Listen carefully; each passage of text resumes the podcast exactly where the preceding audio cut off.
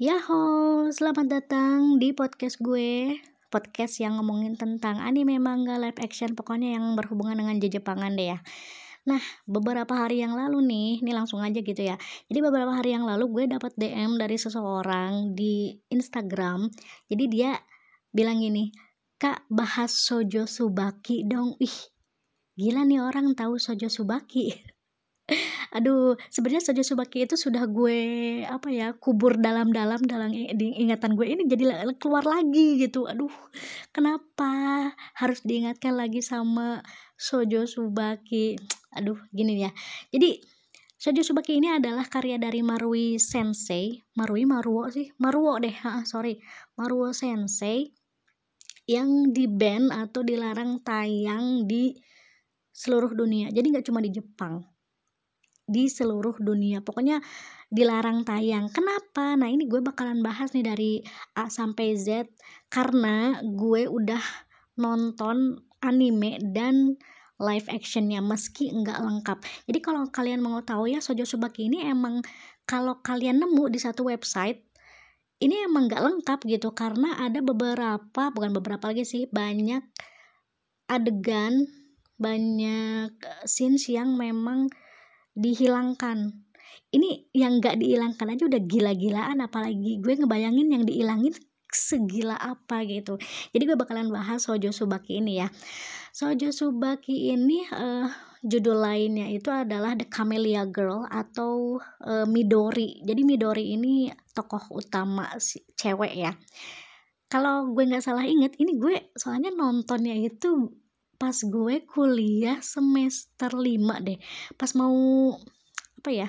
Eh iya pas uh, itu lagi zaman zamannya otak kita ngebulnya bener-bener ngebul udah ngebul kayak kenal pot motor yang empot-empotan gitu loh. Semester 5 itu emang fase yang amat sangat bajingan kalau kata gue ya. Jadi nih pas gue lagi uh, mumet gara-gara kuliah gue biasalah berselancar di dunia maya dan gue menemukan satu tayangan anime yang kalau dari art stylenya ini emang old school banget lah ya. Kalau misalnya kalian menganggap Ghibli itu emang punya art style yang bagus banget tapi lebih mengarah ke old school ini ini lebih old gitu ini older.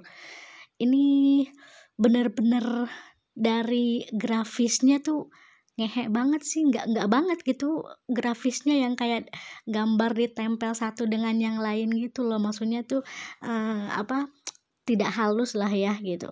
Terus gue uh, waktu itu nggak nggak apa ya nggak membaca reviewnya atau nggak nyari tahu lah tentang reviewnya. Gue nggak tahu kenapa gue tertarik aja nih sama satu anime ini gitu kan ya udah ternyata gue nemu di satu website dan gue lupa itu nama websitenya apa. Saking gue habis nonton itu gue yang uh, sepertinya otak gue harus dicuci atau di aduh pokoknya gila banget ya.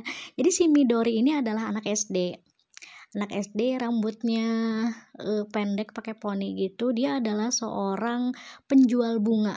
Jadi dia itu itu hidupnya miskin ya.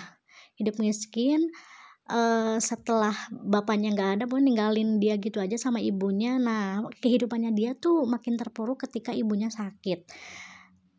Ketika ibunya sakit itu dia jual bunga kan? Nah dia ketemu sama seseorang yang ngajak dia untuk kayak kerja lain gitu kayak om-om lah gitu ya ngajakin kerja uh, di tempat lain jangan jual bunga gitu.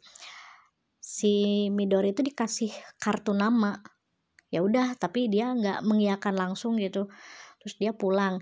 Nah dia tuh sebenarnya tuh um, kayaknya kerjanya itu emang udah berhari-hari nggak pulang kayaknya ya ninggalin ibunya yang sakit karena dia emang butuh uang juga kan buat ngobatin ibunya. Nah ketika dia pulang dong aduh itu anjir banget sih kalau gue ya ngelihat adegannya itu ketika ibunya kan tidur terus dia bilang mama mama gitu. Kok nggak bangun? Kenapa? Pas disingkap selimutnya dong kalian tahu apa yang terjadi? Itu badan ibunya itu setengahnya udah hilang dimakanin tikus. Itu aja ya itu adegan itu salah satu adegan yang bikin gue mual.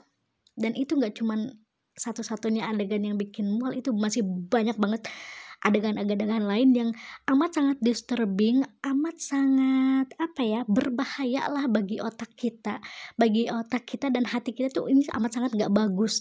Ini bukan sesuatu yang emang harus dilihat gitu ya. Nah tapi gue ya namanya juga emang on ya gue penasaran nih habis ini ngapain sih si Midori ini akhirnya karena dia udah nggak punya ibu terus ayahnya udah nggak tahu ke mana kan ya udah dia nggak bisa hidup sendiri. Gimana cara dia menghidupi diri sendiri kan? Karena dia juga cuma jual bunga. Ngapain coba? Maksudnya jual bunga ya segimana sih pendapatan dia gitu? Paling berapa ribu perak gitu kan? Sepuluh ribu dua puluh ribu itu juga nggak tentu ya kan? Nah akhirnya dia ke alamat di mana si om om itu ngasih kartu nama dan ternyata si om om itu kayak bukan pemilik apa ya gue agak inget agak lupa lupa inget sih dia itu pokoknya di sirkus Nah, yang gue makin kaget lagi, jadi setelah gue membaca bahwa Maruo Sensei ini memang punya kecenderungan dia tertarik sama um, apa ya uh, tubuh manusia, tapi tubuh manusia yang tidak normal. Jadi di sirkus itu ya isinya orang-orang yang tubuhnya nggak normal semua, dari mulai yang kayak monster melata gitu. Tapi kepalanya tuh kepala manusia botak gitu kan melata. Terus yang hobinya makanin ular tapi dia tuh pakai kayak penutup kepala tapi apa ya um, telanjang dada dan dia cewek ibu-ibu gitu. Mau nangis gue ngelihatnya. Dan dia mengalungkan ular di lehernya ular kecil gitu ya terus dimakan gitu. Aduh itu gue yang ini apaan sih? Kenapa gue menonton yang kayak gini? Tapi tetap gue pengen tahu ini akhirnya tuh kayak gimana gitu ya. Terus udah gitu ada uh, apa anggota sirkus lain itu yang dia badannya tuh diperban di eh mukanya mukanya diperban sama tangannya diperban. Dia nggak punya tangan jadi tangannya tuh buntung dua. Udah gitu ada yang uh, manusia kayak dia tuh di baskom tuh kayak setengah bayi setengah manusia gitu loh. Terus yang mukanya tiga terus ada satu lagi mukanya cewek badannya cewek tapi dia kelaminnya cowok.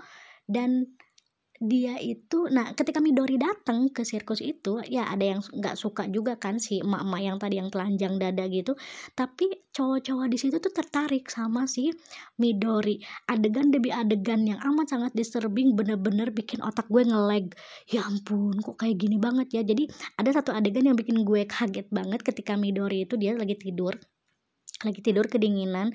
Terus dia tuh kayak terbangun gitu kayak ngedengar suara-suara aneh. Dan dia ngeliat uh, si ibu-ibu tadi sedang digituin sama salah satu anggota sirkus dengan uh, kalian aduh ini kebayangin kebayang gak sih uh, lagi digituin tuh terus gak cuma sama satu orang terus uh, yang dijilat itu matanya. Aduh ini gue cerita gue merinding loh asli. Jadi beneran emang Midori ini buat gue gue nggak ngerti sama mangakanya ya. Gue nggak ngerti sama mangakanya kenapa dia bikin sesuatu yang seperti ini benar-benar di luar jangkauan akal gue banget sih waktu itu ya. Ini kenapa dia kok kayak begini? Terus dari segi cerita pun kalau misalnya dari awal sampai akhir emang sih ceritanya tuh simple ya. Seorang gadis SD dia eh apa namanya pengen punya duit gitu ya karena dia emang miskin dia pengen punya kerjaan tapi dia uh, masuk ke tempat yang salah, bertemu dengan orang-orang yang salah. Terus dia juga disukai sama si om-om yang emang waktu itu ngajak dia untuk ke sirkus kan. Nah, si Midorinya juga ini kayak gue gregetnya kenapa dia nggak lari atau dia nggak nggak kabur dari sirkus itu tuh kenapa gitu kan ya seburuk-buruknya tempat kayaknya nggak ada yang seburuk sirkus itu deh jadi uh, kejadian demi kejadian yang amat disturbing itu si Midori itu nggak nggak yang ya takut sih takut tapi dia tidak berusaha untuk uh, melepaskan diri dari kehidupan sirkus yang amat menakutkan ya. Gue kalau ngebayangin gue jadi si Midori aduh ogah banget dah. Bener-bener uh, sesuatu yang gak pernah terbayangkan sama kita gak pernah terbayangkan ada anime kayak begini ini bener-bener cerita bukan cerita ya adegan-adegannya itu amat sangat original yang tidak pernah terbersit dalam pikiran kita bakalan ada yang kayak gitu. Dari segi psikologisnya juga gue nggak ngerti kenapa si Midori ini tuh walaupun dia takut tapi dia nggak kabur atau apa gitu. Apalagi ketika adegan uh, anjing yang uh, apa dia kan punya apa nemuin anjing ya di kolong rumah kolong bangunan gitu. Dia bawa tuh ke sirkus. Ternyata anjingnya itu malah diinjek uh, kepalanya sampai sampai isi kepalanya keluar semua gitu. Sama salah satu anggota sirkus. Terus dagingnya itu tuh direbus dimasak dan dimakan bareng-bareng si Midori itu nggak tahu kalau itu tuh daging anjing peliharaannya dia. Udah kayak gitu ada anggota sirkus yang uh, makan ayam mentah. Udah gitu si cewek yang uh, kelaminnya cowok dia itu pipis gitu ya. Terus si Midori nggak sengaja ngeliat eh langsung dia kayak eksibisionis gitulah. Tahu kan yang memamerkan barangnya tanpa rasa malu ya konten aja si Midori kaget kan. Nah aduh gue ngeritain ini aja otak gue capek dong. Jadi dan nggak sampai di situ karena gue ternyata menemukan kan live actionnya dan sama-sama gila. Uh, udah cukup ya gue ngelihat animenya seperti itu ternyata live actionnya juga nggak kalah serem. Cuman yang gue lihat ya kalau live action kan emang dia pemeran-pemeran di uh, apa tokoh-tokoh yang ada di Midori-nya itu to eh Midori tokoh-tokoh yang ada di Shoujo Subaki-nya itu 90% sama banget lah sama animenya. Tapi ditambah dengan ekspresinya si Midori yang buat gue itu tuh kena banget. Buat gue tuh kayak intimidatif banget ke kita walaupun dia itu lugu mukanya tapi bener-bener intimidatif ke otak kita tuh nggak bener-bener capek lah ngelihatnya gitu bener-bener takut. Jadi uh, yang gue tangkap sih dari karyanya Maruo Sensei ini adalah gue nggak ngerti. Gue nggak ngerti dari awal sampai akhir kenapa ada yang kayak begini gitu loh. Jadi buat kalian yang udah pernah nonton udah pernah ngeliat uh, share dong ya gimana sih pendapat kalian tentang Sojo Subaki sampai sejauh ini gue sebenarnya sebelum nonton Sojo Subaki kan uh, gue li lihat genre-nya tuh kayak uh, ini kan gore ya?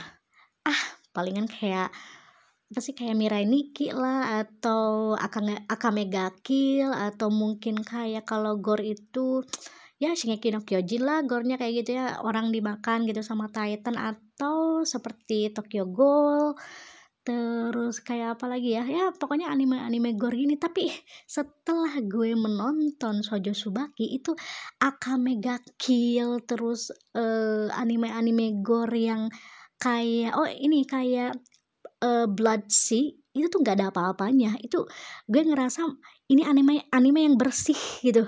Walaupun gore-nya udah seperti itu kalau dibandingkan sama Sojo Subaki ini anime-anime yang buat kita berdarah-darah itu tuh buat gue tuh masih bener-bener clean masih bener-bener bersih dibandingkan sama Sojo Subaki saking gilanya adegan-adegan yang di Sojo Subaki kalau misalnya kita ngelihat anime hmm, kayak Happy Sugar Life lah ya.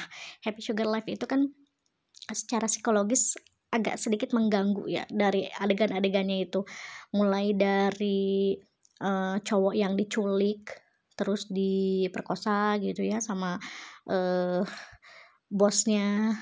Terus ada uh, apa ya apa sih? Jadi si si anak kecilnya itu tuh karena dia nggak mau ditemukan oleh keluarganya dan memang si uh, Matsusaka itu sayang sama si anak kecil itu dia sampai uh, overprotective dan posesif ya. Jadi tidak boleh ada yang menyentuh si bocil kecuali gue. Dan itu di gue udah agak mengganggu ya. Ih apa sih gitu kan? Bener-bener hmm, sakit gitu. Tapi ini Sojo Subaki sakitnya udah level dewa sih. Gue nggak ngerti lagi ada yang kayak begini. Uh, untungnya waktu itu gue nonton sendiri ya. Gue kalau misalnya nonton sama teman-teman gue tuh kita bakalan muntah bareng kayaknya. Ya gitu sih. Dan uh, menurut gue pantes anime sama live actionnya itu di band nggak hanya di Jepang tapi juga di luar Jepang di seluruh dunia ini sampai bener-bener tidak boleh tayang. Tapi kalau kalian misalnya penasaran mungkin kalian bisa ngelihat video video-video kayak video reactionnya di YouTube bisa. Tapi itu juga memang uh, hanya apa sih kayak potongan-potongan kecil itu aja udah bener-bener mengganggu loh. Kalau kalian bisa lihat gue aja ketika um, ngelihat lagi uh, visual key-nya atau cuplikan-cuplikannya itu otak gue tuh kayak uh, gemeter lagi lah gitu. Uh, tidak bisa diungkapkan dengan kata-kata tidak bisa dideskripsikan bagaimana ter apa ya kayak jijiknya kayak gimana. Kalau sebenarnya sih ya kalau gue jelasin tuh bukan jijik yang apa ya nggak dis bukan disgusting ya. Kalau menurut gue emang disturbing sih amat-amat sangat mengganggu. So buat kalian yang belum pernah nonton Sojo Subaki kalian amat sangat beruntung. Buat kalian yang sudah tobatlah kalian. Gue juga sih habis nonton itu ya Allah apa-apaan sih? Kenapa gue nonton yang seperti ini? Tapi dari situ gue jadi tahu bahwa ada yang seperti ini. Kalau nggak salah uh, konsep dari ceritanya Maruo Sensei ini di si Camellia Girl atau Sojo Subaki ini tuh mengarah ke Gekika. Jadi Gekika itu adalah satu karya bisa manga atau anime yang di dalamnya itu bener-bener tidak terbatas. Jadi setiap mangaka atau penciptanya itu tuh tidak punya batasan standar batasan sampai mana nih si ceritanya atau adegan-adegannya tuh sampai mana? Kan kalau misalnya um, untuk zaman sekarang lah ya kalau gore itu ya uh, kalau misalnya digorok ya nggak diliatin lah ya digoroknya kayak gimana. Itu kan ada batas lah. Ini Sojo Subaki ini bener-bener gekika gitu. Jadi nggak nggak sama sekali punya batasan. Jadi bebas banget. Dan itu pernah jadi uh, pemicu kerusuhan di Jepang tahun 1960-an lah ya. Itu karena ya di Jepangnya ini di Jepangnya aja ini sangat mengganggu apalagi uh, untuk kalau misalnya sampai keluar dari Jepang bisa menimbulkan sesuatu yang tidak bagus gitu secara mental ya gue juga mental gue kayaknya kaget gitu terkaget terkaget-kaget ketika melihat Sojo Subaki ini. Kok ya bisa ada animenya gitu kok bisa dan bisa ada live actionnya gitu. Kan animenya aja udah mengganggu udah disturbing. Lah ini kenapa dibikin live actionnya? Kan gue kagak ngerti ya. Ini emang yang bikinnya emang rada-rada dan mentalnya udah kena ini. Aduh banget banget deh. Jadi uh, Sojo Subaki ini kalau misalnya dikasih rating ya itu gue kasih ratingnya nol deh. Orang dari grafis aja itu udah nggak smooth sama sekali. Tapi kalau grafis gue nggak peduli sih ya. Sebenarnya gue kayak terlalu bukan orang yang terlalu mendewakan grafis. Karena anime-anime jadul yang gue lihat baru-baru ini itu grafisnya walaupun uh, emang old gitu ya old school banget. Tapi dari segi cerita amat sangat berkualitas epic dan bener-bener legend memorable. Tapi Sojo Sobake ini dari segi cerita itu tuh juga juntrungannya tuh nggak jelas. Ini cerita tuh macam apa? Ini maksudnya kayak apa? Ini si Midori itu tuh ngapain? Dia itu tuh kenapa gitu ada di situ? Terus kok kenapa nggak lari? Terus si anggota-anggota sirkusnya itu kenapa bentukannya kayak begitu semua? Bener-bener bentuk yang hmm, sangat tidak enak dilihat sangat visualnya bener-bener uh, merusak merusak oh ya nggak nggak estetik sama sekali gitu. Bukan nggak estetik juga sih bisa dibilang bukan jelek menakutkan lah menakutkan dan mindalik kalau kita misalnya ngelihat hal itu di dunia nyata. Wah parah banget. Pokoknya eh mimpi buruk yang bisa kalian lihat lah Sojo Subaki ini. Jadi gue rasa Sojo Subaki emang pantas lah di band dilarang tayang di seluruh dunia. Cuman buat kalian yang nanti misalnya nggak sengaja ternyata nemuin anime atau live action Sojo Subaki mendingan gak usah nonton sih 10 menit pertama itu tuh udah cukup lah untuk menyiksa jiwa dan raga. Ya begitulah. Nah inilah ulasan gue tentang Sojo Subaki. Ulasannya nggak runut banget ya bener-bener berantakan. Tapi ya itu seingat gue aja karena gue ini juga e, nonton Sojo Subaki udah lama. Udah agak lupa juga ceritanya tapi e, kalau kalian lihat gambarnya atau apa tuh bisa di inilah gitu dibayangkan kayak gimana. Cuman kalau untuk visual key itu ya kayak biasa aja cewek sama om-om gitu. Kita kita mikirnya oh palingan ini ya cinta kayak ini loh apa sih e, hige hero lah ya anak SMA sama om-om. Tapi tidak sesimpel itu.